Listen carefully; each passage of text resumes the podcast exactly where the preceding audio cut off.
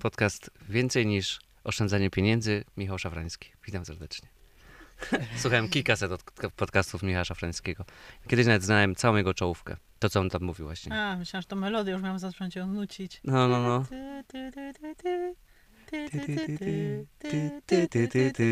Czyli mamy już dżingiel na nowy odcinek. Dzięki, kochani.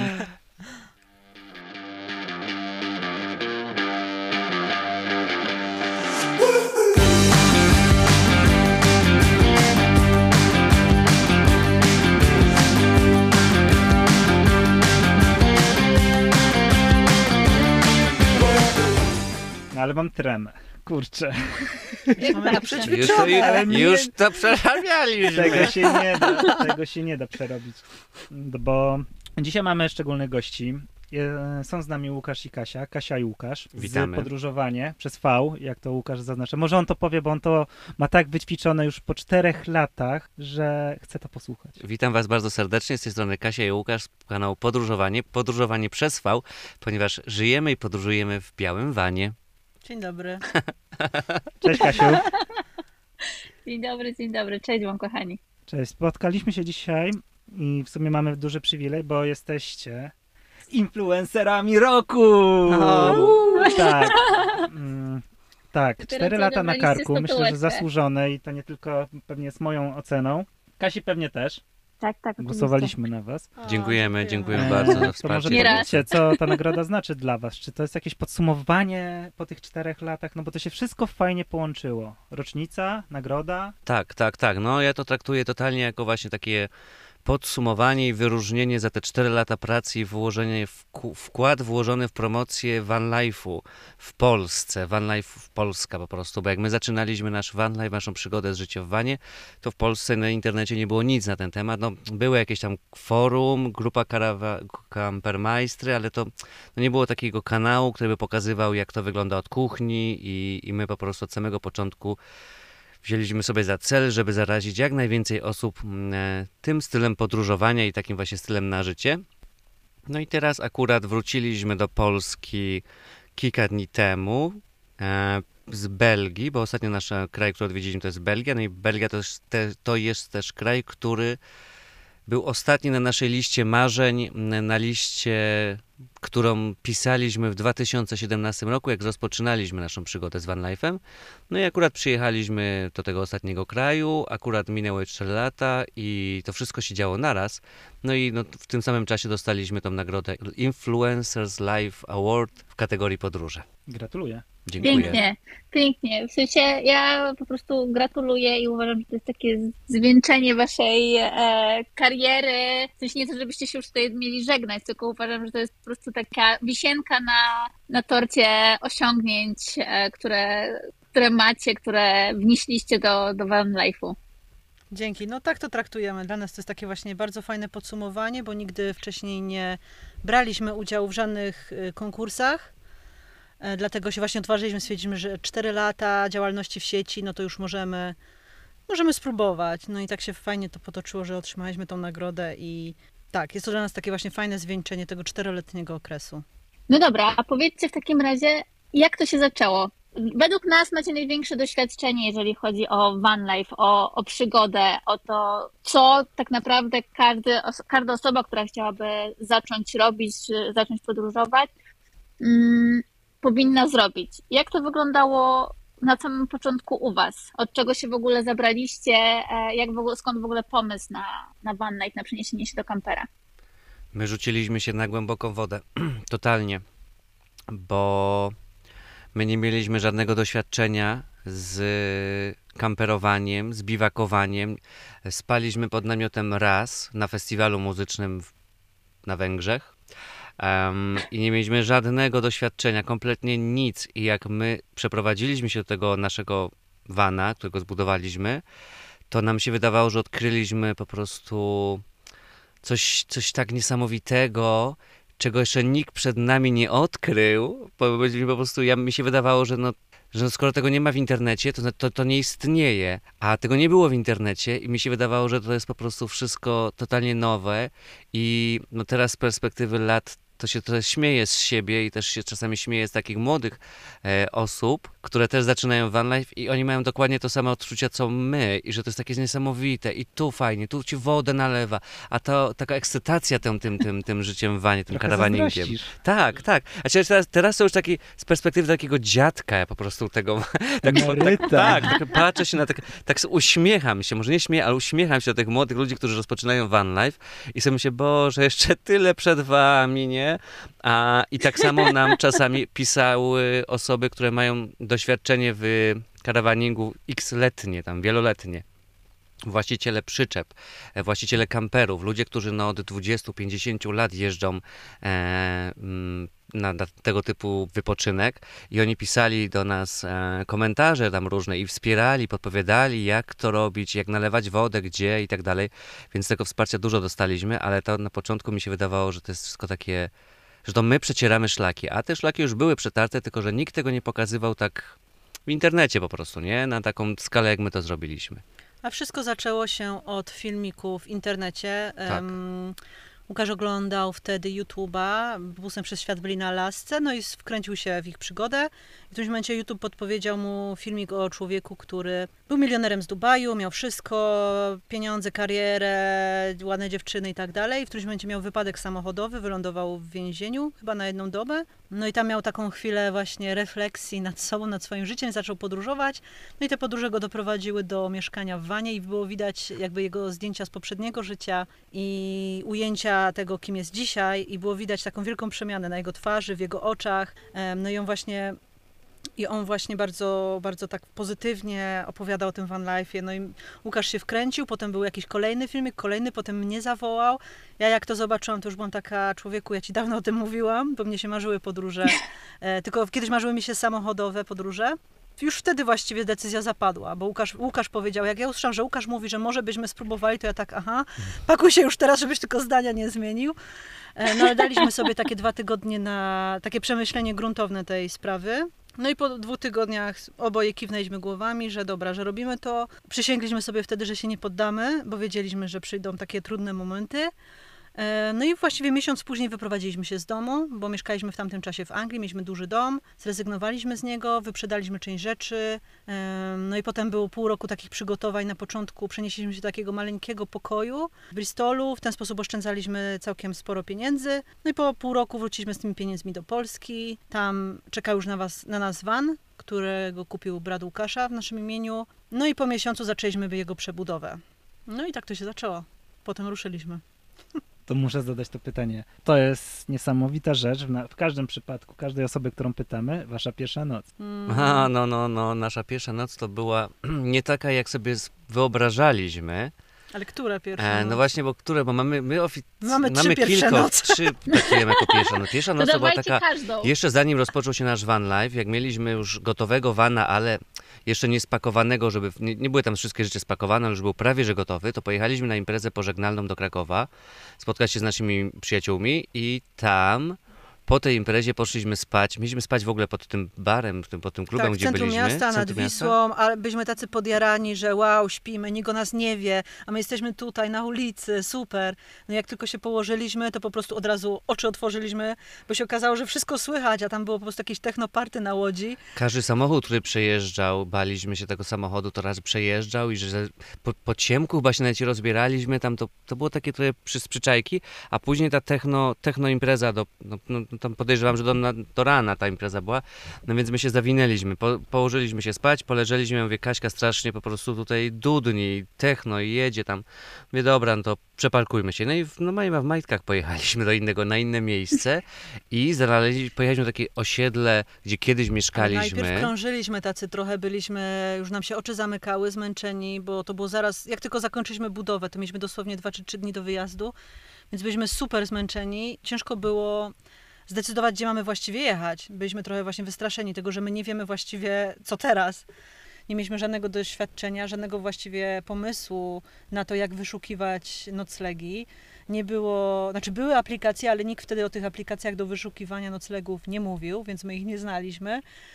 No i tak zaczęliśmy krążyć po tym Krakowie i jedyne, co nam przyszło do głowy, no to osiedle, na mieszka- na którym kiedyś mieszkaliśmy, no i stwierdziliśmy, że tam pojedziemy i coś poszukamy. No i udało nam się tam znaleźć po paru minutach kluczenia taką miejscówkę właśnie przy jakiejś ścianie i na tyłach garaży. No i ja pamiętam, że jak my się położyliśmy, to jeszcze długo nie mogliśmy usnąć, bo byliśmy przerażeni dalej tym wszystkim. E, I pamiętam jakieś zwierzę tak strasznie, nie wiem, no, to nie było miauczenie, nie wiem co to mogło być za zwierzę, ale jakieś takie przedziwne odgłosy wydawało. Więc to pamiętam. No i potem pamiętam, że dosyć wcześnie się obudziliśmy, bo okazało się, że ściana, przy której stoimy, to jest estakada i od rana tam tramwaje czy pociągi jeździły. No więc to nie była na pewno noc e, Marzeń. wyspana. Nie, nie, nie, to było takie czuwanie, nie było to spanie, tylko takie stan czuwania. No a potem jak ruszyliśmy w podróż, to właściwie wszystkie nasze noce bardzo podobnie wyglądały. Przez pierwsze dwa tygodnie. Tak, e, właściwie nie spaliśmy, bo O wow. no, No, baliśmy no. się wszystkiego. E, Każda nasza miejscówka, jaką znajdowaliśmy, to była jakaś miejscówka e, z fakapem. Może nie każda, bo ta pierwsza akurat nie miała fakapa, ale była taka, no byliśmy strasznie zestresowani mm, tej pierwszej nocy. Wszystkie miały. A potem każda miejscówka, Jak nie- na jakiej stawaliśmy, to albo jacyś ludzie tam przyjeżdżali grali właśnie jakieś disco polo czy jakąś muzykę, albo nas policja wygoniła, albo w Austrii na jakiejś totalnej wsi w Alpach się zatrzymaliśmy przy tartaku. No i myśleliśmy, że tam będzie spokój. W środku nocy nas wybudził taki potężny ryk silnika. Nie wiem, czy ktoś na Taki motorze traktor, jechał, czy ktoś na traktorze no. jechał, ale zatrzymał się tuż obok naszego wana, więc my już myśleliśmy, że ktoś przyjechał nas zabić. W nocy deszcz padał i nagle taki tu, tu, tu, tu, tu, tu, tu, tu, tu, tu i przyjechało coś. Przyjechało blisko naszego samochodu, my nie mogliśmy zobaczyć za okno, co to jest. Było ciemno, no więc i tylko leżeliśmy Kaśka się z pyta, takimi co- gałami otwartymi. Kto to, Co to jest? Co to Kto to jest? jest? Niech on Ja albo niech cicho, nas już zabije. Ja nie Cicho, ja mówię, cicho się, cicho, nie odzywaj się. No i co się okazało? No, no, to, to myślamy się teraz, co się okazało. No po prostu przyjechał jakiś motocyklista z- się wysikać, nie? I za, za naszym samochodem. Co potem się okazało bardzo częste. W ogóle ludzie Tak. kochają sikać za vanami Tak, i my wiele razy widzieliśmy, stety, niestety, tak, jak przychodzi, kolejki po prostu. wycieczki, wycieczka raz, takie babcie, jakieś pielgrzymka czy coś przyjechały na parking i wszystkie za naszego vana sikać, a my patrzymy się przez okno, a mieliśmy zaklejoną szybę, także czarno z zewnątrz, a z wewn- my, my widzieliśmy, one nas nie widziały, bo Znaczy nic nie widzieliśmy, Tak, od razu w sensie, sprostuję, no, nie nie, przyglądaliśmy nie, nie się. przeglądaliśmy się, ale mogliśmy zobaczyć, byśmy chcieli. No a dwa tygodnie No. później po wyruszeniu ktoś nam napisał o Park for Night i to Tak. zmieniło wszystko. Ojej. Jak już wiedzieliśmy, że są miejscówki, na których można spać, że ktoś tam był, że są komentarze, które zostawione są sprzed kilku dni, że policja nie wygania, to po prostu zmieniło totalnie nasze doświadczenie. Mhm. No i uratowało nasz van life, bo my po trzech tygodniach byliśmy tak zmęczeni tym stresem, że byliśmy gotowi zakończyć po prostu. Że ja wiedziałam, że jak jedna jeszcze jakiś przypał się wydarzy, to, to się zawijamy z powrotem, bo ja tego nie wytrzymam. Ktoś z naszych widzów to napisał pod filmem. Jednym z filmów właśnie napisał, żebyśmy sobie sprawdzili aplikację Park Fortnite. I muszę chyba odnaleźć ten komentarz i mu coś wysłać tej osobie, bo po prostu to zmieniło całkowicie nasze Odbiór. podróżowanie. To Całkowicie. jeżeli ta osoba, jeżeli ta osoba tego słucha, to niech się zgłosi do Kaci i Koniecznie, Łukasza. koniecznie. Koniecznie. Mamy tak. dług wdzięczności. Tak. W końcu 4 Słuchajcie, lata. a powiedzcie, jak zaczynaliście, no bo no właśnie, no nie znaliście, e, nie wiedzieliście czego się spodziewać. Jakie mieliście takie obawy, największe strachy, e, albo czego się spodziewaliście, jak zaczynaliście, a jak to faktycznie wyszło w życiu? Ja mogę mówić o obawach. Ja, Ja ja, ja tylko powiem, że nie miałem żadnych obaw, ponieważ ja byłem tak nastawiony pozytywnie do tego całego przedsięwzięcia, że nie było żadnych minusów. Nie widziałem żadnych minusów. Wszystko było plusem. Nie było żadnych rzeczy, którym się bał.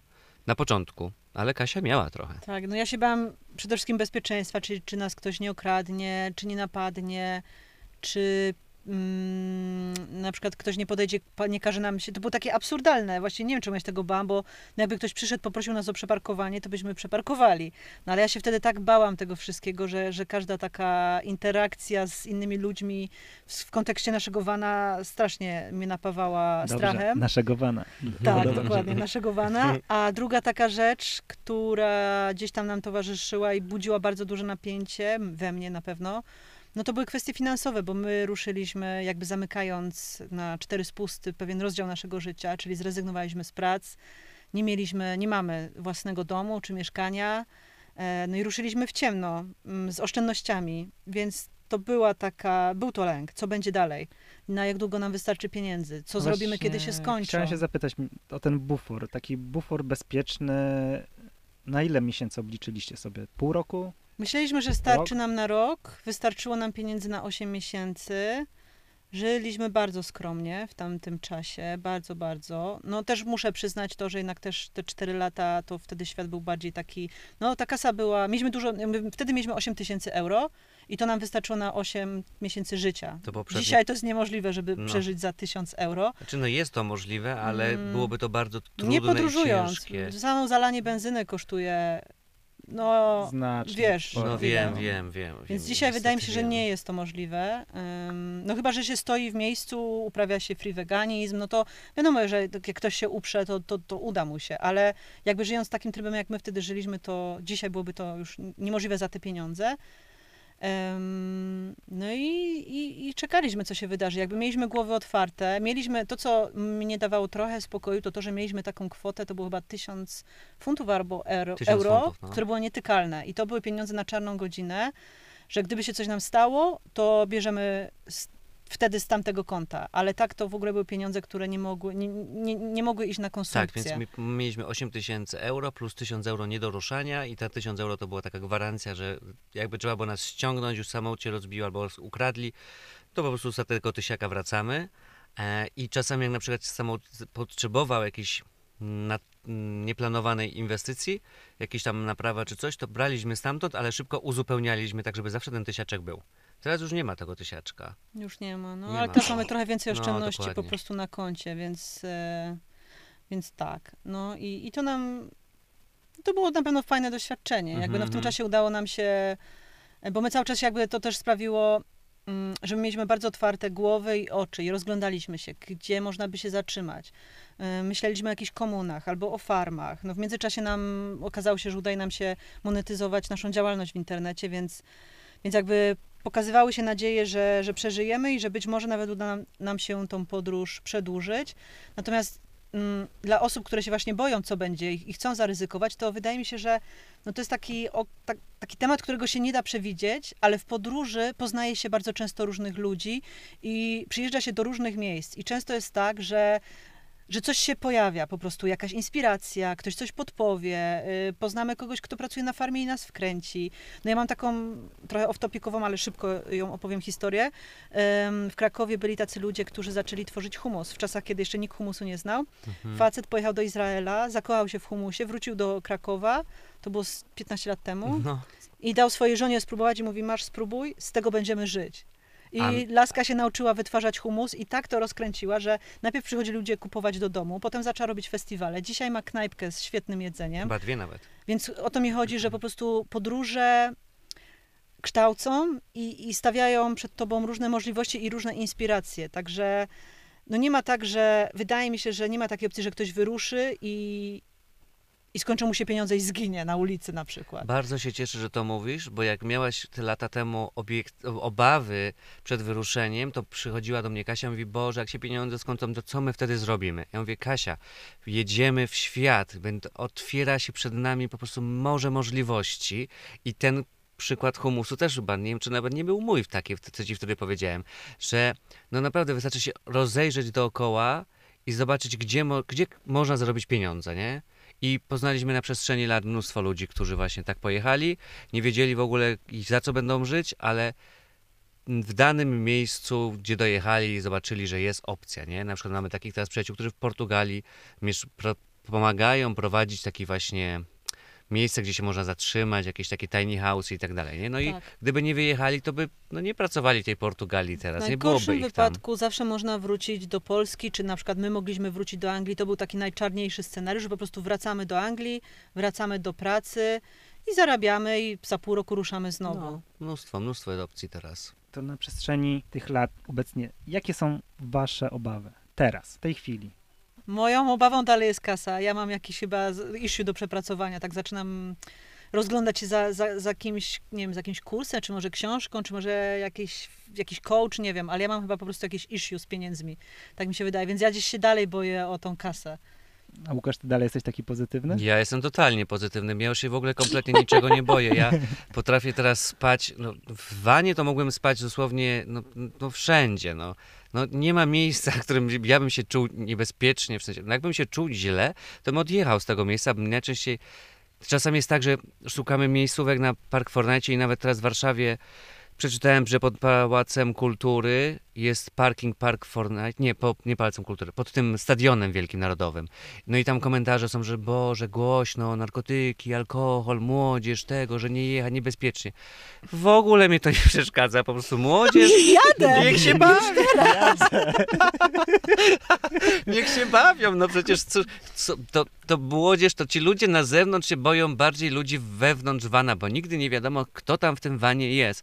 Więc Co za wariat. Dokładnie. Siedzi w wanie, nie? ja w się w ogóle nie boję spać w wanie, nie boję się miejscówek, nie boję się krajów, a jeszcze miałem taki duży strach, no teraz tak kozacze, nie? Ale ja parę miesięcy temu, jak mieliśmy jechać do Turcji, to się strasznie bałem tej Turcji.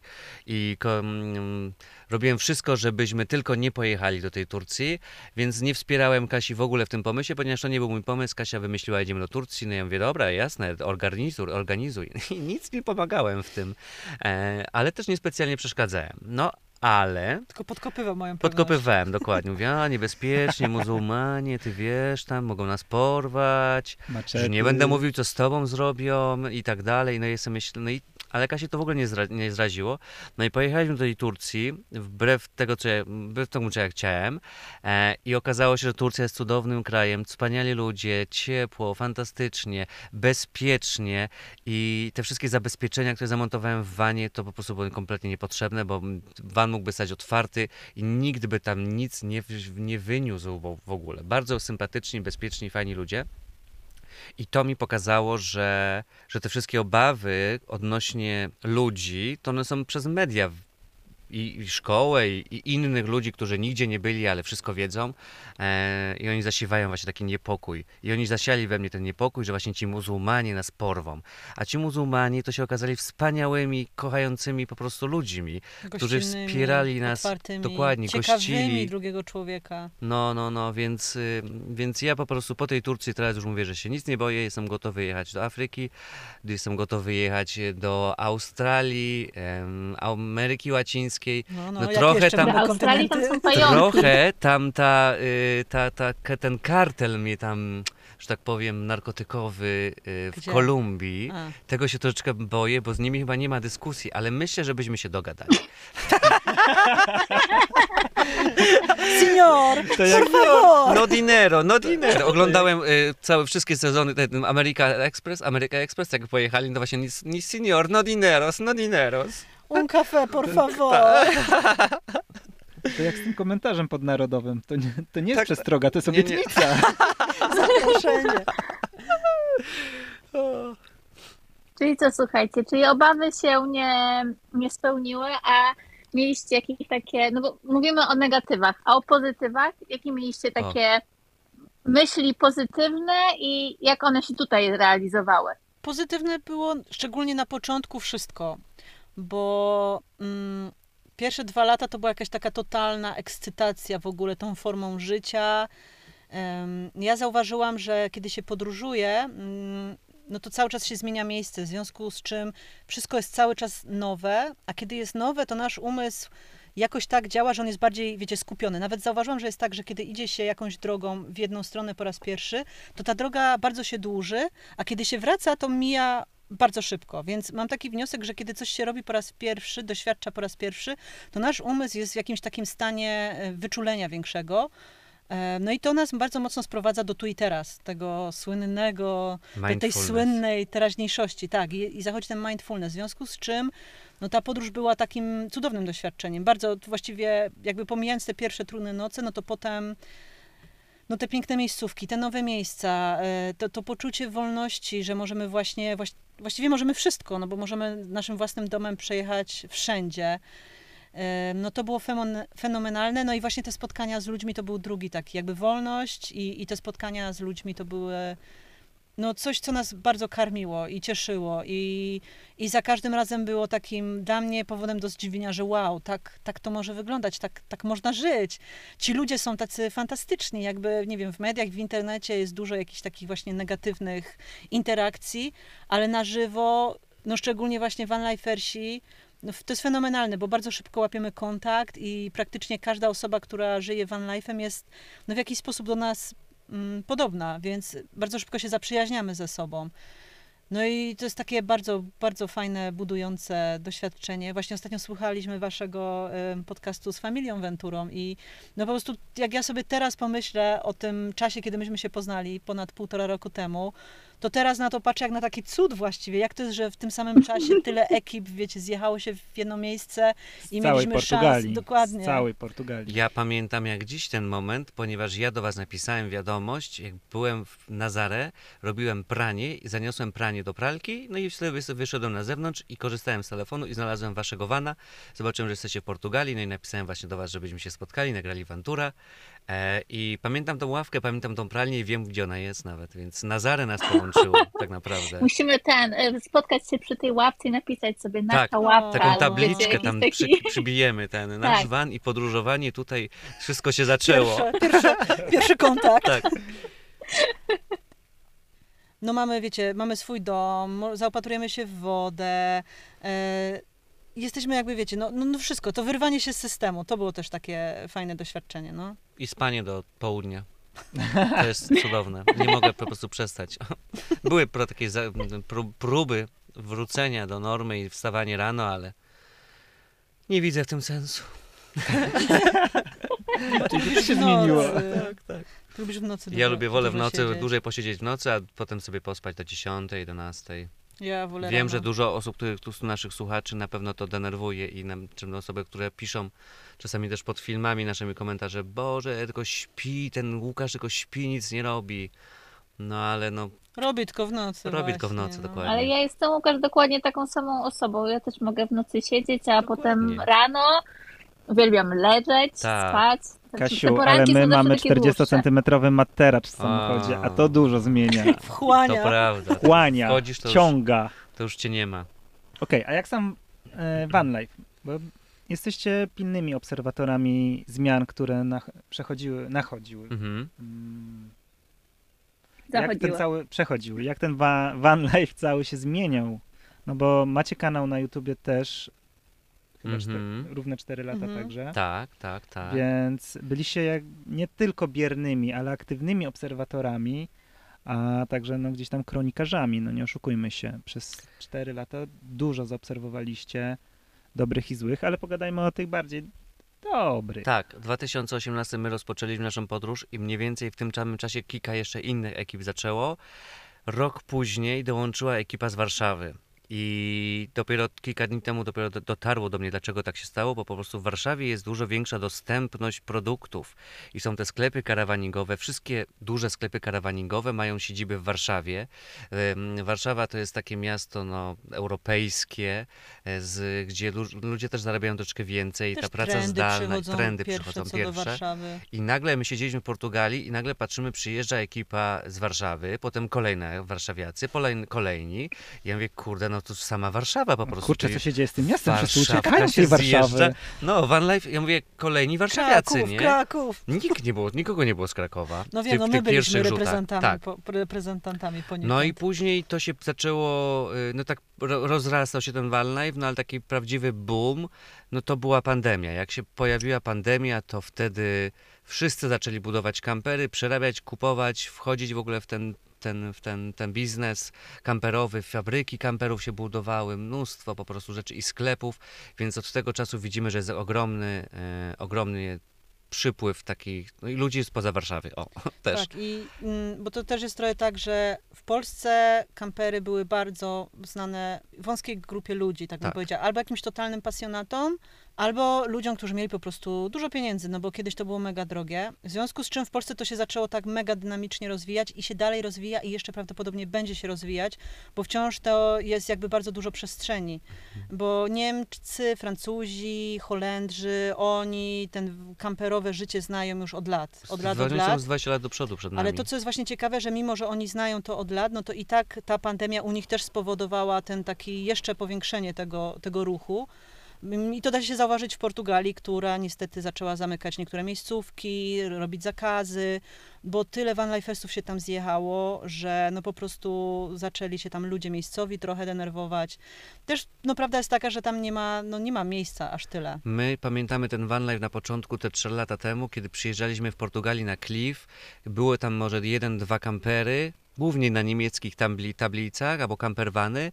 No i my sobie spaliśmy na tym klifie, paliliśmy ogniska i było cudownie. A teraz to jest absolutnie niemożliwe, bo raz, że jest zakaz, a dwa, nie ma możliwości wjechać tam, bo już są te bariery, jakieś tam betonowe y, przegrody porobione albo doły wykopane, żeby samochód nie przejechał.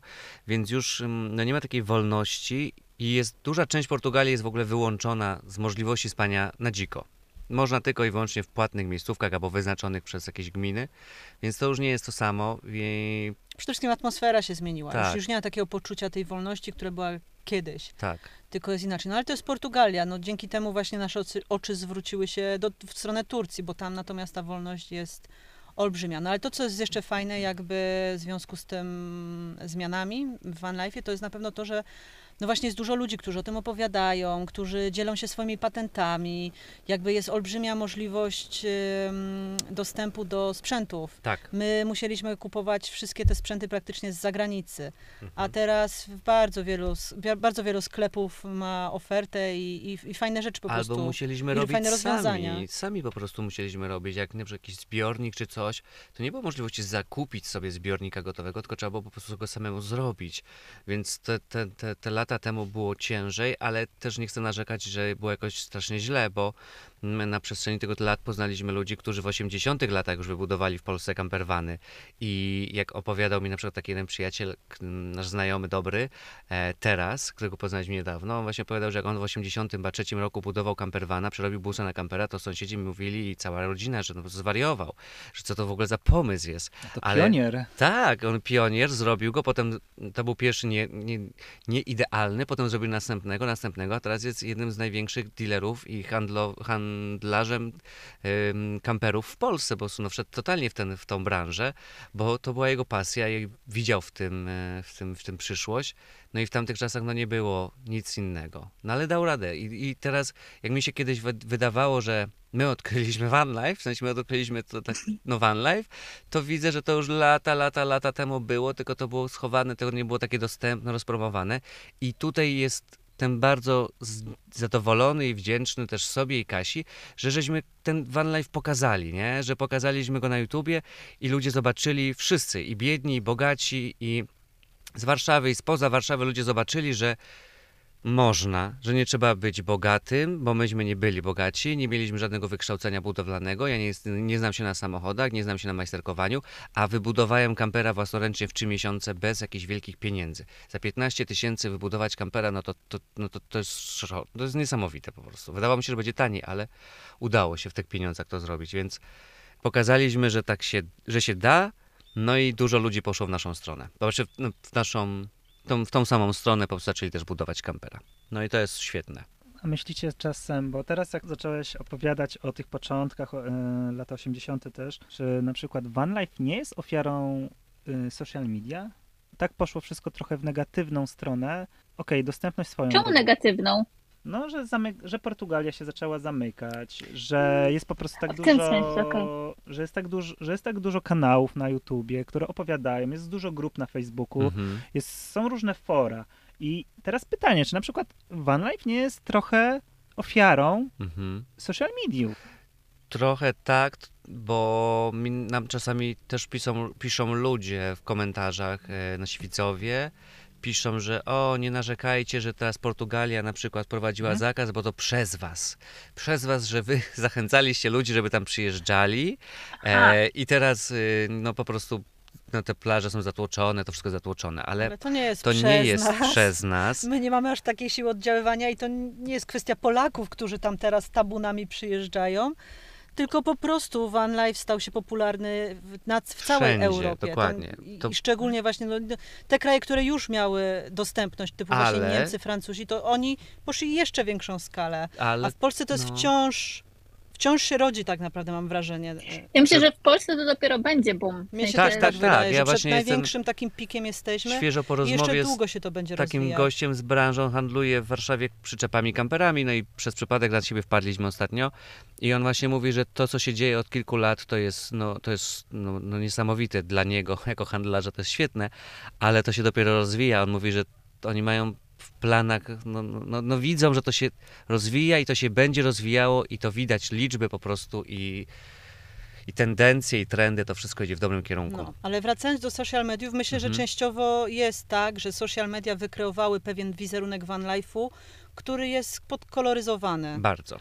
Ale też równocześnie, kiedy my na przykład staraliśmy się pokazywać te prawdziwe strony van life'u, typu na przykład czyszczenie toalety, to ludzie reagowali bardzo negatywnie. Oni poniekąd nie chcą oglądać zbyt cukierkowego życia, ale też takiego prawdziwego też mam wrażenie, że do końca nie chcą, więc no więc trochę tak jest, że pokazujemy te dobre strony, chociaż my się też staramy te trudne Wydaje mi się, pokazywać. że ludzie właśnie na Instagramie, na Instagramie jest mnóstwo kont, które są po prostu idealne. Te wany są piękne, czysz, wyczyszczone, nie ma tam śmieci, nie ma tam wilgoci, tam po prostu jest Nie ma, nie widać tych dziur pachnie. tam gdzieś tam niedokończonego jakiegoś fragmentu albo niedomalowanego. I ludzie się uśmiechają do owoców, uśmiechają się do, nie wiem, do lodu. do lodów. I to, to jest po prostu... Ale to wydaje mi się też, że mm, social I to już media, nie tylko w Polsce, ja Instagram mówię, że nie tylko w Polsce, nie to jest tylko cała... Van Life. Mi się wydaje, jest- że to nie tylko Van Life jest Tak. jakby ofiarą, w cudzysłowie, social mediów, tylko tak naprawdę każdy aspekt życia, bo, no bo wszystko jest piękne i kolorowe i Ja ogólnie jestem, mm, jakby się dało, no my jesteśmy uzależnieni chcąc nie chcąc, od, y, od social mediów, bo z tego żyjemy, e, i na Instagramie, i na YouTubie, ale gdyby się dało, to ja bym po prostu usunął Instagrama dawno temu. Facebooka to już bym się usunął lata temu, bo na fejsie jest taki hejt, jest tak ogromna ilość takiego jadu z takich fikcyjnych kont, nie wiem, po prostu bez imion, albo jeżeli są, to są jakieś fikcyjne, i tam jest strasznie dużo nienawiści, więc Facebooka bym pierwszego usunął, e, a drugiego bym Instagrama już parę lat temu usunął, bo on ryje mózg po prostu i on sprawia, że człowiek się czuje źle, bo widzi, że inni mają lepiej. Ja żyjąc 4 lata w wanie, włączam Instagrama i patrzę się, o patrz, ci mają piękne owoce, ci mają piękny dywan, mają czysto, mają piękny widok. Oni są tacy szczęśliwi, a my, a my po prostu walczymy z tym smrodem z szarej wody albo wiesz, Ale wiesz wody. co, I ja wolałbym tego nie widzieć, żeby się nie porównywać do ludzi i się nie czuć gorzej przez to. Ale wiesz co, ja y, któregoś dnia y, prowadziłam taką rozmowę z, z kimś, a właśnie a propos Instagrama. Ja wprowadziłam u siebie na koncie czystki. Mhm. Obserwuję tylko i wyłącznie te konta, które właśnie nie wprowadzają mnie w takie poczucie, które mnie motywują, które mają dla mnie pozytywny wpływ. Mhm. Czyli ja, jak, jeżeli ja nie chcę oglądać właśnie tych, nie wiem, tych ludzi śmiejących się do tych jabłek, owoców i, e, i tak dalej, to ich po prostu nie obserwuję, no bo oni Mhm. nic nie wnoszą do mojego życia. Właśnie dla mnie Instagram z tych wszystkich portali społecznościowych jest najmniej szkodliwy, no bo to ja zarządzam tym, co chcę, co chcę mieć wyświetlane. Tak, zgodzę się natomiast z tym, że na Facebooku, no tam mamy z tym większy problem, bo ja nawet się spotykam z tym, że wśród osób, które kiedyś znałam, okazuje się, że tutaj dochodzi do, nawet nie no-name'owych, tylko e, do osób, które ja kiedyś znałam, nagle się taki przyzwolenie na taki hejt, wylewanie takich e, strasznych rzeczy, e, gdzieś tam jest to, jest to wprowadzone, ale też na YouTubie.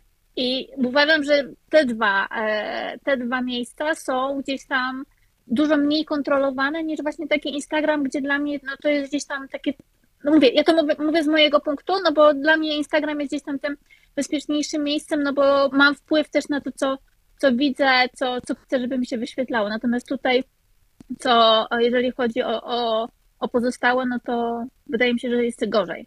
Spodziewaliście się po tych czterech latach popularności, czy że ten kanał was tak, tak, tak no wystrzeli? No bo kurczę, macie super treści, wasze awantury są W ogóle się super, tego nie Bo spodziewaliśmy. jesteście w sumie pierwsi, którzy zaczęli opow- opowiadać o ludziach, którzy podróżują i pokazują Mhm. swoje wany i to z chęcią.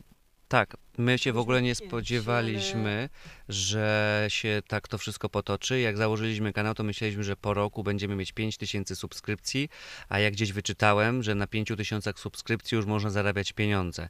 Więc pomyśleliśmy, dobra, przez pierwszy rok będziemy żyć z oszczędności, a potem może będziemy zarabiać na YouTubie. No ale się okazało, że ten nasz kanał wystrzelił po prostu, no tam był jeden dzień, że 6000 przyszło że przy- w jeden dzień osób zasubskrybowało nasz kanał, więc no po prostu się nagle to wydarzyło. To było mniej więcej 3-4 miesiące po rozpoczęciu naszej w ogóle działalności internetowej. Odezwała się największa agencja YouTube'owa do nas, no i zaproponowali nam kontrakt, żebyśmy, żebyśmy weszli do nich, e, do, do, do, do, tej, do tej sieci. No ja to uznałem za szczyt marzeń. Ja myślałem, że dopiero tak dwa lata, po dwóch latach można do nich się ubiegać, żeby do nich wejść, a okazało się, że oni nas znaleźli i szybko chcieli nas wciągnąć w tą sieć i ja zadzwoniłem do, i skontaktowałem się z moim przyjacielem, z którym kiedyś pracowałem i jego żona prowadzi agencję marketingową w Warszawie. On się zna na internetach, e, też lata żyje z internetu. I zapytałem się go, co mamy robić, nie? Czy to jest dobre, czy niedobre? I on mówi, Łukasz, to jest wasze 5 minut. W internecie in- czas szybko płynie. Korzystajcie teraz, bo to wszystko minie. To, to że teraz jesteś sławny, czy tam masz jakieś duże wyświetleń, to, to potrwa kilka dni, może tygodni i to minie, nie? Więc jeżeli wam proponują współpracę i z tego będą jakieś pieniądze, to bierzcie to. No i okazało się, że to nasze 5 minut trwało troszeczkę dłużej niż tam nasz, nasz przyjaciel przewidział. Ale ja, nie, ja na przykład nie wiedziałam, że to jest nasze 5 minut. Ja wciąż myślałam, że my jeszcze urośniemy, że to wszystko jeszcze będzie większe. No nie wiem, patrząc na przykład, ja zawsze patrzę na no, typu Krzysiek Gąciarz, nie, czy właśnie busem przez świat, no to oni rosną i rosną i rosną, więc ja myślałam, że my też tak będziemy. No chyba minęło już. Nawet, No. nie, nawet się nie zdążyłam nacieszyć. E, no były takie czasy, że nas w, w Lidlu czy tam gdzieś ludzie rozpoznawali sobie, robili zdjęcia przy, przy, przy warzywniaku. Ale to było miłe, to naprawdę Chciałbym było bardzo zobaczyć miłe. twoją reakcję po prostu. Ty z tymi błyszczącymi, świeżymi owockami, jak No, na no. zdjęciu. To było, Akurat na, to było akurat, jakiś człowiek do nas podszedł, tak. my byliśmy w środku kłótni. tak, Zaczęliśmy tam, ja prawie krzyczałam, coś tam, a za chwilę jakiś człowiek, na chwilę się rozeszliśmy, jakiś człowiek podchodził, o, że on nas ogląda. Moja dobry. żona mi nie uwierzy, możemy sobie zdjęcie zrobić, a to było, a my się kłócimy przy tych warzywach, tam nad Czy ranem. wziąć ogórka, czy pomidora. I ile, no Jaki dokładnie. złoty człowiek. Uspokoił was. Tak, tak. O, momentalnie. o momentalnie, to tak.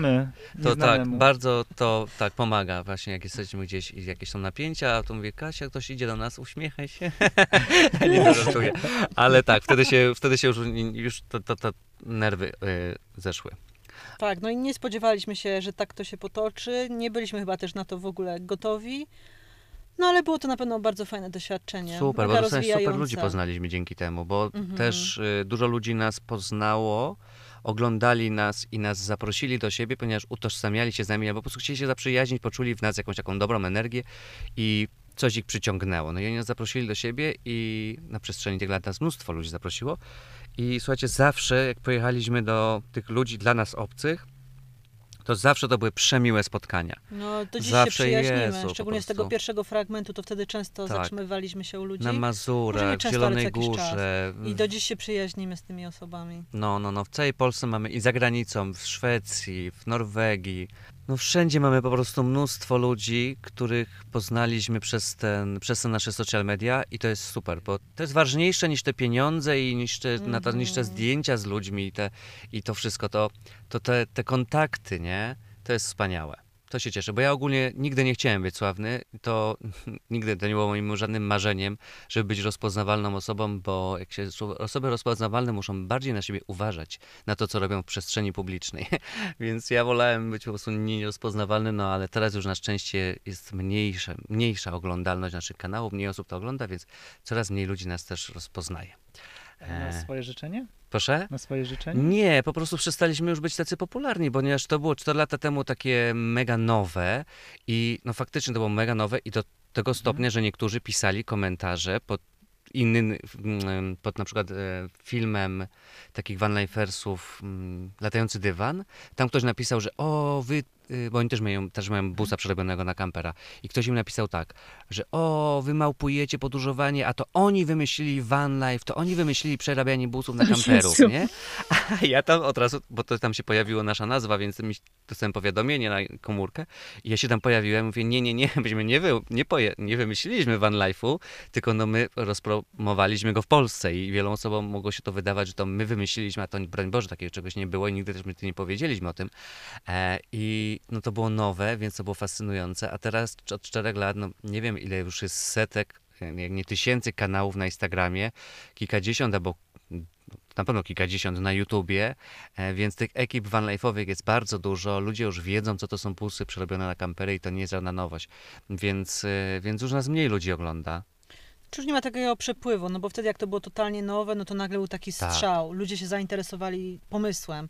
Teraz jakby pandemia sprawiła, że już wszyscy chyba słyszeli o van life'ie, o kamperach, o, o nocowaniu w samochodach, więc już nie ma takiego dużego zainteresowania, ale no my mamy swoją ekipę naszych widzów. Mamy, Wiernych, mamy, tak. mamy taką stałą po prostu No widownię. ja pamiętam, ja pamiętam jak my budowaliśmy Vana, no to byliście jednym, jedną z ekip właśnie, którą my oglądaliśmy, którą się inspirowaliśmy, na której się też gdzieś tam uczyliśmy.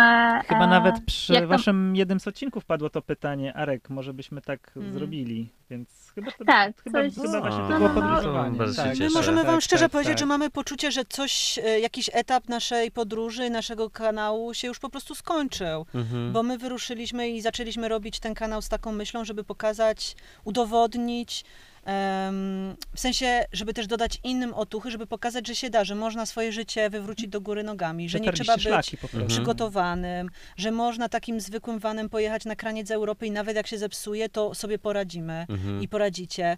Więc mamy poczucie, że kiedy, wiecie, no już objechaliśmy, nie wiem, dwa czy trzy lata minęły tej podróży, to już mieliśmy takie poczucie, że no nasza misja poniekąd się skończyła. Teraz Mhm. robimy te vlogi, bo sprawia nam to frajdę i lubimy ten kontakt z Właśnie. widzami, ale to już nie jest ta misja nasza, którą my zaczęliśmy tworzyć ten kanał, ta misja się już zakończyła. Tak, zwłaszcza, że dojechaliśmy do tej Danii, e, ostatniego kraju na Belgii? naszej li- Belgii. Jest, Belgii? czym się myli.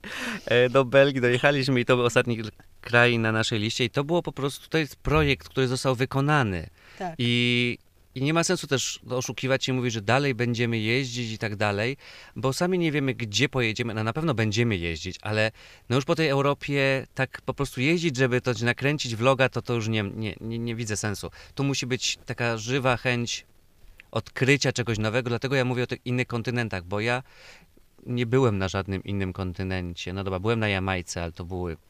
To, to, to się no nie to liczy. kontynent jamański zobaczył. ale nie vanem.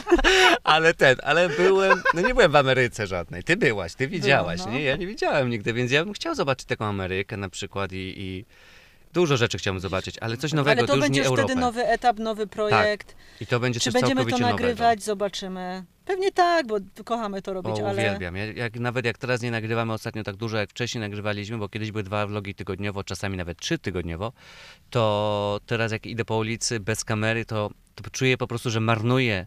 marnuję przejście. To przejście jest bezwartościowe, bo tylko ja czerpię przyjemność z tego.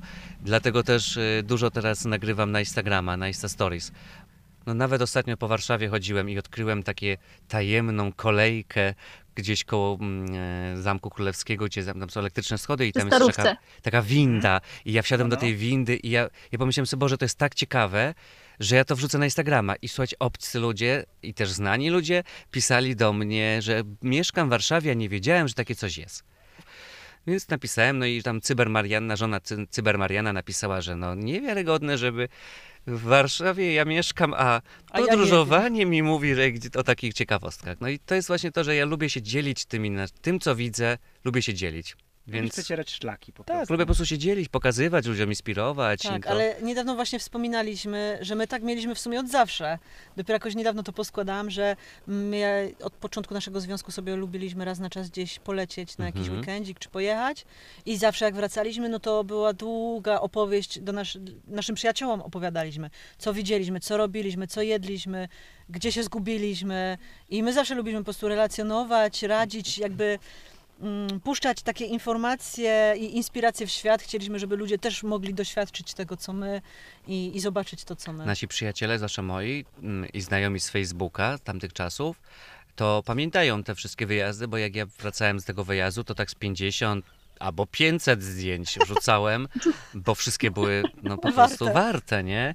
I teraz jak parę lat temu no, czyściłem Facebooka, to zobaczyłem po prostu, co ja tam wrzucałem, no ale, ale tam wszystko było, co jedliśmy, co piliśmy, gdzie byliśmy, w jakim stanie byliśmy, wszystko po prostu było tam Czyli ten udokumentowane. influencing to się zaczął nie te 4 lata Tak. temu, tylko Ja pamiętam Łukasza, jak go poznałam jeszcze jeszcze nie byliśmy razem, to mogło być z 12-15 lat temu. Kiedyś Facebook był w ogóle taką trochę inną platformą. I Łukasz był, naj... Łukasz był wyznawcą Facebooka. Nigdy nie Mhm. zapomnę, pojechaliśmy na pierwszy wspólny wyjazd z, z ekipą przyjaciół. Ja Łukasz dobrze poznawałam i on stał z taką dziewczyną na balkonie i on jej zachwalał. Musisz zainstalować Facebooka, bo tam będziesz mogła to. I takie są powiadomienia. I ja tak słucham myślę, Boże, co za gość, że opowiada obcym ludziom o Facebooku. No. No, byłeś psychofanem. Ale twoja znowuż przyjaciółka Klaudia, no to moglibyśmy jej też podziękować tutaj, dlatego Klaudia dziękuję ci, ponieważ ona Łysa? nas, łysa, Pozdro. od niej też poniekąd zaczęło się to nasze vanlife'owanie, bo ja zacząłem nagrywać na Instagrama, wtedy weszła y, relacje, z Instagram Stories to weszło i nikt z moich znajomych tego nie używał, bo wszyscy się wstydzili nagrywać, mówić do telefonu, nagrywać, patrzeć na swoją twarz i tak dalej, a ja byłem po prostu już ciekaw tego i mi to sprawiało, sprawiało byłeś ogromną radość. Pokazywanie, co jem, gdzie jestem, co piję, y, gdzie jadę, wszystko po prostu pokazywałem na tym Instagramie i ona kiedyś napisała do mnie, że Łukasz, ty musisz założyć kanał na YouTubie, bo ja uwielbiam oglądać te twoje relacje na Instagramie. I twój śmiech. I mój śmiech uwielbia, słuchać. I ja wtedy pomyślałem, że no świetnie, bardzo fajnie, ale ja na Instagram, na YouTubie, to już jest taka poważna platforma, to tam dłuższe niż 30 sekund te filmiki się robi, no więc pomyślałem, nie, nie mam pomysłu jeszcze na ten kanał, więc nie zrobię. Po paru latach od tego, do tej rozmowy, ona wrzuciła na swojego Facebooka filmik busem przez świat, jak pojechali do Alaski. Bo Klaudia była kiedyś na wyprawie z busem przez świat i się przyjaźnili, więc no po prostu wrzuciła na swojego Face'a tą, e, tą, ten, ten, tego vloga i ja obejrzałem tego vloga i to był ten pamiętny vlog, od, którego, się wszystko, zaczęło. Więc gdyby Łysa nie wrzuciła na Facebooka tej, tego vloga, to bym pewnie siedział teraz w jakimś korpo, popijał szampana. Ale siedzę teraz na jakimś, nie wiem, nad, nad strumieniem gdzieś w przepięknym miejscu w kamperze I nie popijesz sobie i nie szampana. popijam szampana. Ale Łysa po prostu no, połączyć te wszystkie kropki, no to ona jest jakimś takim wysłannikiem od Boga chyba, że wrzuciła tego, y, tego vloga, namawiała mnie wcześniej do tego, żeby nagrywać i wtedy ja pomyślałem, że dobra, jedziemy, ale będziemy to pokazywać i to jest coś, czego nie ma i na YouTubie nie ma. Od razu pisałem Van Life Polska, nie ma. Nie ma Van Life Polska, więc mam już pomysł. Będziemy pokazywać Van Life na YouTubie, po polsku. No i to wy zaskoczyło i to było coś, czego nie było i to było coś, co było popularne w Stanach. Trzy lata później się stało popularne w Polsce. Dwa lata później mniej więcej. Czyli takie jak wszystkie trendy. Bo mniej więcej ze Stanów trendy przychodzą po dwóch, trzech latach do Polski. No i udało się i to po prostu, gdyby nie Łysa, także Klaudia, jeżeli tego słuchasz, bardzo dziękuję za zmianę mojego życia, wywrócenie go do góry nogami, ale w dobrą stronę teraz jest. A powiedzcie proszę, no to teraz wybudowaliście też e, drugiego vana. Czym on się różni od tego pierwszego? Bo wiadomo, no ten drugi, no to to już jest lepszy, dosto- bardziej dostosowany. E, Tak, jest no, przemyślany. mm, Jakby ob- obserwowaliśmy siebie, czego nam brakuje, ale też e, dzięki Wanturom obserwowaliśmy rozwiązania u innych osób. No i ten nowy van jest wypadkową właśnie tych wszystkich spostrzeżeń, doświadczeń. To, co dla nas jest najważniejsze, to to, że on ma, jest pozbawiony ściany grodziowej i fotel e, kierowcy i pasażera możemy obracać. Za nimi znajduje się stolik i ławka, w związku z czym tworzy nam się tu przede wszystkim genialne miejsce do pracy. I to było coś, czego nam najbardziej brakowało w starym wanie, bo w starym wanie mieliśmy taki stoliczek niewielki, skrzynki po jabłkach, które służyły nam za fotele i tak naprawdę to było wszystko, bo po jakimś czasie nawet krzesełko nam się to turystyczne zepsuło, które tam dostawialiśmy. No a tego nam najbardziej brakowało, bo okazało się, że jakby montowanie vlogów, publikowanie ich, prowadzenie sociali, tworzenie no, wszelakich treści, e, no, zajmowało nam bardzo dużo czasu e, pracy przy laptopie i to jest parę godzin dziennie, kiedy trzeba siedzieć po prostu. No jak się nie ma wygodnego stanowiska, no to to jest po prostu trudne. Więc my w starym wanie nie mogliśmy na przykład we dwójkę siedzieć przy stoliku z laptopami, więc kończyło się na tym, że Łukasz siedział przy stoliku, a ja miałam taki mały stoliczek rozkładany i leżałam na łóżku. No i na dłuższą metę nie da się tak pracować ani żyć. Więc nasz van ma, ma tą przestrzeń, no i tam przestrzeń też wykorzystujemy do spotkań właśnie z ludźmi, z przyjaciółmi, których spotykamy. Możemy tu pomieścić sześć osób i wygodnie sobie siedzimy przy stoliku. Na drugą dużą zmianą jest to, że mamy łazienkę. W pierwszym wanie jej nie mieliśmy, mieliśmy tylko toaletę, która się chowała pod łóżko. E, No ale nie mieliśmy wydzielonego pomieszczenia, więc e, no, zazwyczaj ktoś musiał wychodzić, jak ktoś chciał skorzystać. No i nie mieliśmy prysznica, co na początku nie było wcale takie straszne, bo znajdowaliśmy je w różnych miejscach, ale kiedy przyszła pandemia, no to okazało się, że te różne miejsca się pozamykały. No i ten prysznic to już było takie wyzwanie, y, żeby go zrobić. No więc postanowiliśmy tutaj być zupełnie niezależni i zrobić sobie też łazienkę i to jest rzeczywiście fajne. Daje takie poczucie no totalnej niezależności, już takiej całkowitej, że możemy się umyć za kiedy chcemy i ktoś ma ochotę iść sobie posiedzieć do kibelka na dłużej, to ta druga osoba nie musi wychodzić z wana. No Jezus, to jest takie wygodne. No, można zrobić No. sobie poranną po prostu prasówkę na kibelku bez problemu. Em, no i to są takie największe prysznic. dwie zmiany. No jest po prostu ładny i przytulny, no i kochamy go. Wczoraj pojechałem na plażę Żoliborz i tam jest taki parking w Warszawie i młodzież tam po prostu no, imprezowała dookoła, a ja brałem w środku prysznic i nikt nie miał pojęcia o tym, że tu jakiś chłop się myje, a oni sam dookoła sobie imprezują, palą papieroski, piją piwko. Więc to jest super i wtedy pomyślałem sobie, i w ogóle jak się dobrze poczułem po tym prysznicu, bo był taki ciepły dzień, byłem taki sklejony całe ciało. Wcześniej bym po prostu no, poszedł spać taki posklejany, a teraz wziąłem sobie prysznic, odświeżyłem się i, i całkowicie inne samopoczucie. Więc y, A prysznic gdzie braliście prysznic, jak, jak nie mieliście go w wanie? Na stacjach benzynowych, gdzie zatrzymują się tiry, gdzie parking jest dla tiru, jeżeli widzieliśmy, że jest dużo tirów, to wiedzieliśmy, że na stówę tam jest po prostu sta- y, prysznic, to tam od 2 euro, od 2 euro, od euro do 4 euro to kosztuje, w Polsce około 10 zł. W Polsce są też takie mopy, czyli mm, Miejsce miejsce obsługi, obsługi pasażerów. Pasażerów. Tak, czyli po prostu park, a podróżnych. E, pa, parking na autostradzie, em, kempingi, baseny, Baseny, publiczne. Jakieś w ogóle centra, nie, chyba poza basenami nie, ale wiem, że w niektórych, takich na przykład tam, gdzie się gra w tenisa, można też często O, wziąć braliśmy, prysznic, braliśmy, tam siłownie. gdzie grali w, ty, nie w tenisa, w siatkówkę. E, Albo właśnie jakieś miejsca przy wodzie, czasami przy nad morzem na plażach są prysznice, Mhm. albo jak jest lato, no to po prostu taka kąpiel w jeziorku. Co prawda, no to trzeba i tak znaleźć prysznic po jakimś czasie, ale tak, żeby się odświeżyć, to jeziorko, Pewnie. rzeka jak Jeziorko, najbardziej rzeka, tak. wystarcza. No i oczywiście mieliśmy prysznic outdoorowy, taki Z turystyczny. którego korzystaliśmy na palcach ręki Ale przez ten czas, przez te kilka lat. Bo zawsze po prostu była jakaś opcja inna. Ja mam chyba już ostatnie do Was pytanie, kochani. Co moglibyście powiedzieć wszystkim tym osobom, które dopiero się zabierają za budowanie wana, które dopiero zaczynają myśleć o budowaniu wana, albo które mają właśnie w tym momencie pierwsze kryzysy w budowaniu wana? Bo takie zawsze są. Albo mają kryzys w budowaniu drugiego wana. Zakasać rękawy i robić. Po prostu nie narzekać, nie rozpraszać się, nie szukać jakichś niesamowitych rozwiązań, wysuwanych kurczę, tych szafek na pilota, tylko po prostu zbudować tego wana jak najszybciej, bo czasy są bardzo niebezpieczne. Wszystko się może zdarzyć. Słuchajcie, ja już naprawdę no wiecie jak jest teraz, sytuacja, za, za ścianą jest wojna, e, inflacja, ten pieniądz po prostu, te wszystkie rzeczy drożeją, więc im szybciej wybudujecie tego wana, tym szybciej osiągniecie szczęście i pokój. No nie, no tak troszeczkę się śmieję teraz, ale naprawdę zachęcam mocno serdecznie wszystkich do van life'u, do tego, żeby budowali swoje wany, remontowali, przerabiali busy, kampery, samochody i żeby spróbowali takiego życia. Bo nawet jeżeli się okaże, że to nie jest dla nich, no to oni, no to słuchajcie, zarobicie na tym jeszcze pieniądze, bo teraz są kampery w cenie i jak y, wam się nie spodoba takie życie w kamperze albo w kamperwanie, to możecie sprzedać tego vana w ciągu jednego dnia.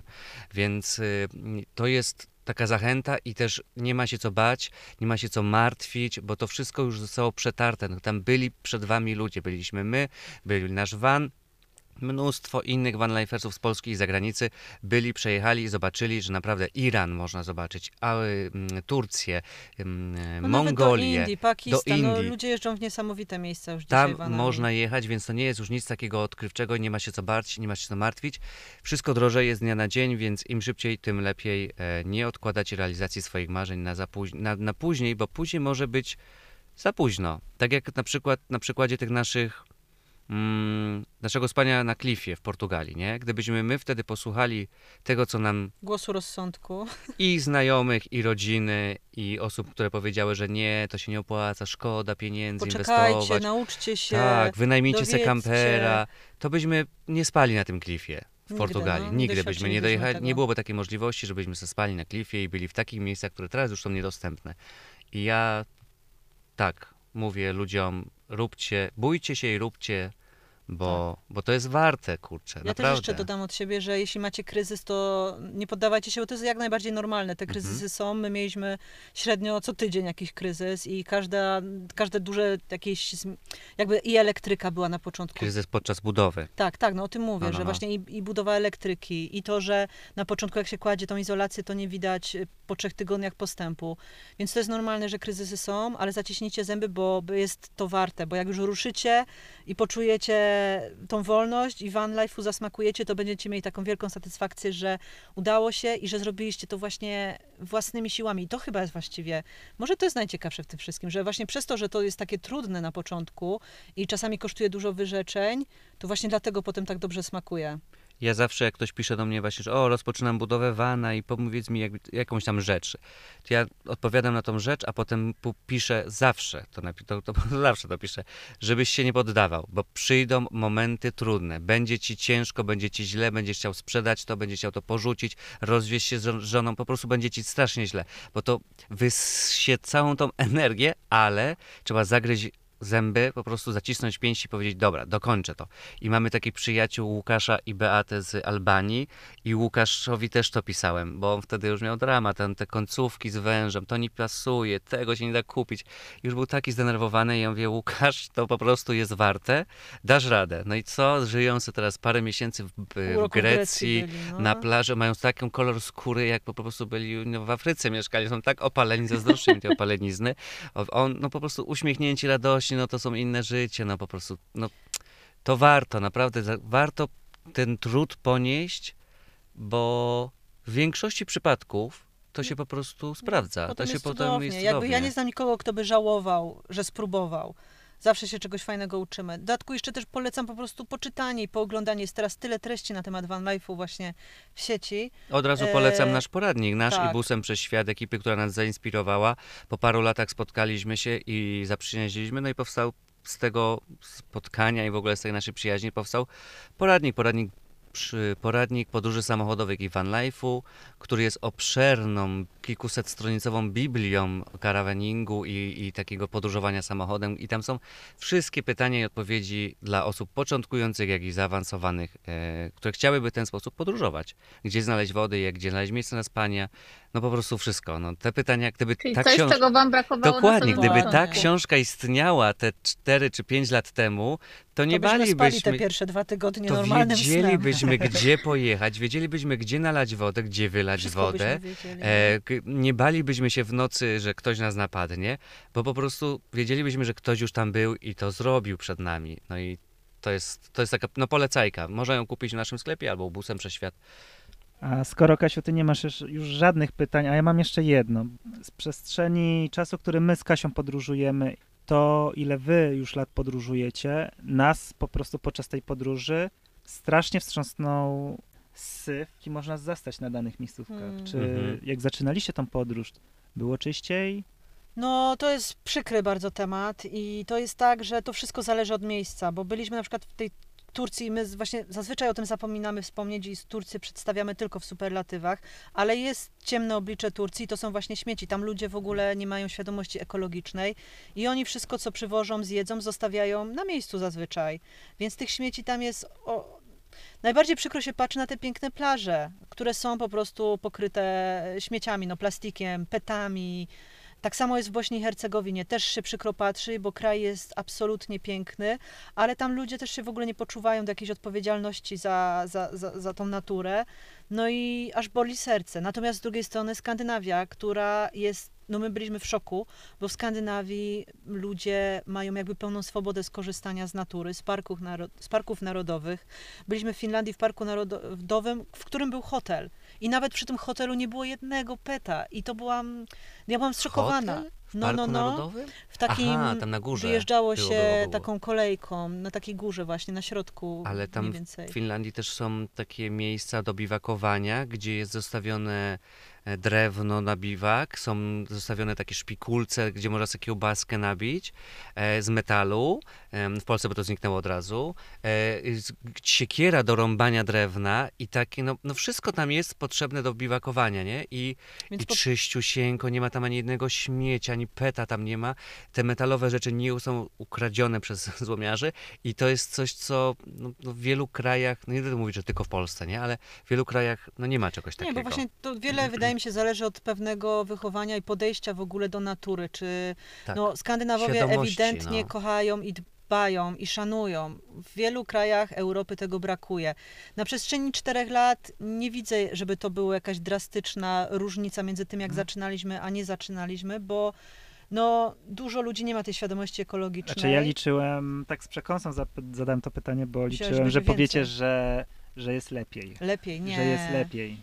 Nie, bo z jednej strony świadomość ekologiczna rośnie, z drugiej strony boom na van life sprawił, że nie tylko vanlifersi podróżują, ale też bardzo dużo osób po prostu wsiada w osobówkę. I z moich obserwacji e, wynika, że to po prostu często są osoby, które właśnie pojedźmy samochodem na weekend, wrzućmy materac. Znaczy nie chcę generalizować, ale mam wrażenie, że vanlifersi jednak zbierają te śmieci, bo no wiele ludzi po prostu kocha naturę i są weganami. Mamy przede wszystkim dużo miejsca w bagażniku i mamy śmietniki.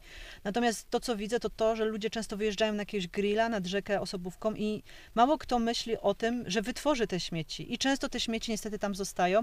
To są też często, to jest po prostu młodzi ludzie, którzy, wiecie, jadą do Browary. Maka, jadą Tak. właśnie na browara i potem to za sobą zostawiają, no bo nie będą wozić ze bo nie mają To są gdzie. najczęściej młodzi ludzie. Ja nawet nie. To, Właśnie ja bym nie chcę wycofał to. no bardzo różni ludzie to są. Nie, nie, ja po tylko prostu na młodzi. moim doświadczeniu. Ja widziałam ja starego mówię, człowieka, który Dobrze. po prostu wziął puszkę w krzaki i To ja rzucił. mówię na Słuchaj, temat moim doświadczeniu. W Albanii na plaży przyjechało kilku młodych chłopaczków, spalili sobie tam blanta, wypili browary i pojechali.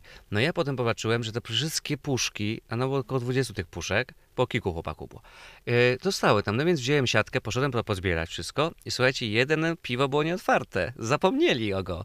I to była taka nagroda dla mnie, zbieracza, że mogę sobie browara wypić. Ty. No i tak sobie uśmiechnąłem się, no ale gdybym ja nie zabrał tych puszek, no to pewnie wiatr by zwiał, wpłynęłoby to do morza i by tam gdzieś gniło, nie? I to się Więc- nie by znalazł piwko. A, ładnie. Więc, y, więc to była taka nagroda, ale obserwując 4 lata, obserwując ludzi w samochodach osobowych y, i w Hiszpanii, w Polsce, w Bo- Bośni, w Turcji, no to po prostu ja obwiniam ich, bo to ci ludzie przywożą samochod, w samochodzie browary, czy tam jakieś picie, kawę, McDonalda i po prostu zjedzą, wypiją, zamykają drzwi i odjeżdżają. Bo czekają, aż ktoś za nich posprząta to. Ja nigdy w życiu nie widziałem, żeby kamper zostawił po sobie syf. Mhm. Czasami ludzie zlewają wodę szarą, e, natomiast to nie są też śmieci, to nie są takie śmieci, nie, które się rozkładają tam milion Często lat. są te kosmetyki naturalne. Więc, e, więc ja nie widziałem nigdy w życiu, żeby kamper odjechał i zostawił po sobie śmieci. No może No, a naprawdę... rykoszetem nam się dostaje. tak, no, a to niestety po prostu właśnie jest nam, duża ponieważ- nagonka, bo nas widać. Bo nas widać, bo my jesteśmy na tym miejscu dzień, dwa, albo trzy, albo tydzień, a ten samochód przyjechał na 50 minut, czy 30 minut, zjedli tego hamburgera i pojechali. I zostawili tą torbę. I no w Hiszpanii to jest, no to najgorzej jest chyba w Hiszpanii pod tym kątem. Wszędzie. We Włoszech też jest kiepsko.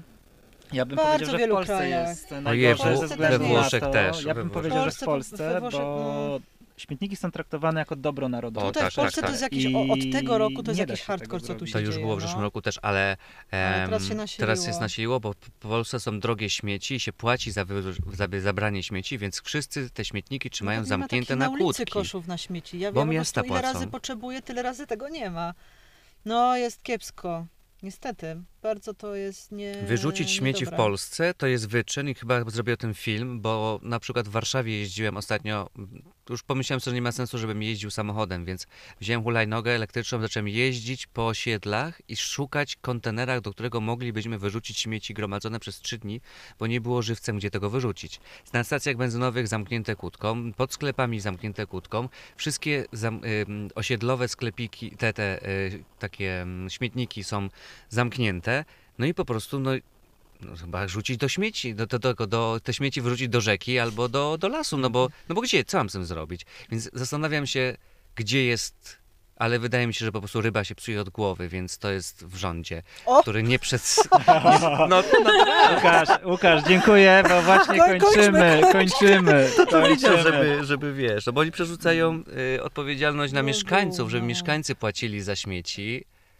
No też płacą mieszkańcy śmieci, no ale kurczę, my nie jesteśmy mieszkańcami, a też pomyśleć o turystach, którzy przyjeżdżają tymi kamperami z Niemiec, z Francji, z Holandii i co oni ze śmieci mają ze sobą do Niemiec zabrać? No albo nawet ci ludzie, co na grilla jadą, no nie mają gdzie tego zawieźć. Dokładnie, nawet tu, gdzie jesteśmy, jest y, bardzo dużo osób, które, które przyjeżdżają tu na Wędkują, grillowanie. No i co, nie mają co Nie z ma ani zrobić. jednego kosza tu postawionego, a przecież codziennie te osoby tu są, bo jesteśmy tutaj już parę razy. Tak. No więc No więc apel, kto się tam siedzi gdzieś wyżej. apel. To w pomóżcie takim nam, razie ja mam dajcie też taki kosze. apel, bo do, tam do tej, do tej głowy ryby się nie, nie do, do, do, do, dopchamy prawdopodobnie, ale mam taką prośbę i to nie jest mój pomysł, tylko Kasia to wymyśliła jakiś czas temu, żeby każdy z nas zabierał ze sobą, czy miał w samochodzie, w osobówce, czy w kamperze, worki na śmieci. Po prostu. Albo pudło Wziąć, puste. nie, nie, pudło to jest duża rzecz, która się może nie zmieścić, może ktoś narzekać. Worek na śmieci kosztuje taki, nie wiem, 30 worków kosztuje 2 złote. Em, można to zabrać ze sobą i jak się wypije albo zje, to zawinąć to, wrzucić do bagażnika i wyrzucić gdzieś tam, czy w domu, czy, czy no nie do lasu, ale gdzieś wyrzucić, wyrzucić po prostu, żeby mieć te worki i tą świadomość, że skoro zawozimy te śmieci, albo czasami niesiemy je w rękach, bo można sobie kupić piwko i mm, zanieść w rękach z brzabki czy gdzieś tam, to żeby po prostu wiedzieć, gdzie to wyrzucić, do takiego worka na śmieci. Więc apeluję o to, żeby wszyscy ze sobą wozili w samochodach, każdym samochodzie, żeby się znalazł taki worek, Worek na z workami na śmieci. Tak. Dziękuję, to jest mój apel. Pozdrawiam. A my się pod tym apelem podpisujemy.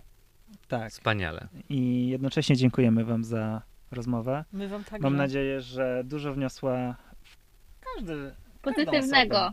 Bardzo się cieszę, dziękuję bardzo za zaproszenie i możliwość wypowiedzenia się. Dzisiaj parę rzeczy powiedziałem, o których nigdy w życiu nie powiedziałem publicznie, więc jestem zadowolony z tego wywiadu. My wam też bardzo, bardzo dziękujemy. Jest nam przemiło, że mogliśmy się spotkać i cieszymy się, że wam się udało odpalić podcast, bo Gratulujemy my już od dawna i trzymamy kciuki, żeby wam się fajnie to rozwijało i żebyście zawsze mieli super rozmowy. Mocno I mnóstwo kibicujemy. słuchaczy. Tak, będziemy przysyłać. Wszyscy, po, wszyscy od podróżowania łapkę w górę. Dziękujemy Wam bardzo, a my Wam życzymy tych następnych e, kontynentów. Słuchajcie. Dzięki. A ja tylko dodam od siebie, że jeśli słuchacie tego w momencie premiery, to po premierze zróbcie coś dla siebie i wyjdźcie, bo zachód jest niesamowity. A to ja też jeszcze dodam. Jeszcze jak to słuchacie na Spotify'u, czy gdzieś, gdzie można wystawić ocenę albo gwiazdkę, to dajcie Max. Niechże No, to idzie w w świat, górę. niech to będzie promowany ten, ten świetny podcast. Udostępnijcie ten podcast u siebie na Instagramie, na tym takim... To bardzo pomaga Tak. twórcom, bo na, nas to buduje, kiedy widzimy, że jest odzew. No i też się rozszerza dalej ta wiedza, po prostu do innych dociera. Często do ludzi, Dziękujemy. którzy czasami przypadkiem potrzebują czegoś usłyszeć właśnie. I jeszcze do taki a, króciutki apel ostatni do, do słuchaczy. Jeżeli poczuliście coś, że to jest fajny pomysł i chcielibyście na przykład w przyszłości Jarkowi i- i Kasi podziękować, albo im napisać, że dzięki, że po- zrobiliście taki podcast, bo trafiłam na, na, no, no, dowiedziałam się o Van Life'ie, to mi napiszcie taką wiadomość, bo to są takie miłe te wiadomości. Nie tylko hejt się pisze, tylko te dobre rzeczy się po prostu wysyła, bo takie... To jest strasznie mo- motywujące i dodające chęci do działania. Nam to pomogło. Nam Dzięki to temu pomogło. te cztery lata nie Tak. przestaliśmy tworzyć mimo kryzysów, bo właśnie dobre głosy się pojawiały i to było takie paliwo dla nas. Tak, dziękujemy. Dziękujemy. Ja mam, słuchajcie, skó- skórkę, więc e, no jest nam mega, mega, mega miło. Dziękuję. Kończymy. Do usłyszenia. Pa! Tak, do usłyszenia. Ten podcast nie powstałby, gdyby nie wsparcie Aloha Camp, portalu, na którym znajdziecie wyjątkowe miejsca blisko natury. Czyli tak jak lubimy najbardziej. Prawda, Kasiu?